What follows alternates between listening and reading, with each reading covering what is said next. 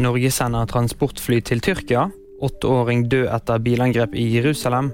Og Gunnar Greve starter nytt kapittel. Forsvaret sender Hercules transportfly til Tyrkia. Det er for å bistå i arbeidet med medisinsk evakuering av skadde personer og transport av nødhjelp etter jordskjelvet som rammet landet. Transportflyet dro fra Norge lørdag. Mannskapet om bord består både av flyoperativt personell og ansatte og helsepersonell på beredskap. Det opplyser regjeringen. Åtteåring døde. Den åtte år gamle gutten som ble skadd etter et bilangrep i Jerusalem i går, er død. Det melder nyhetsbyrået AFP. En bil kjørte på en gruppe mennesker som ventet ved et busstopp i en israelsk bosetting i Øst-Jerusalem.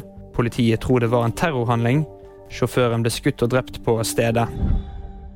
Gunnar Greve flytter familie og forretninger til USA. Etter ti år med stor suksess skal musikkentreprenøren flytte deler av virksomheten sin utenlands. Til VG sier 40-åringen at de bygger hus i Orlando. Med plateselskapet Mer og en rekke andre underholdningsselskaper ved samme navn har bergenseren bygget en virksomhet som er en av de mest innbringende i norsk musikk. Det var VG-nyhetene. De fikk du av meg, Kristoffer Gåsvær Torgersen.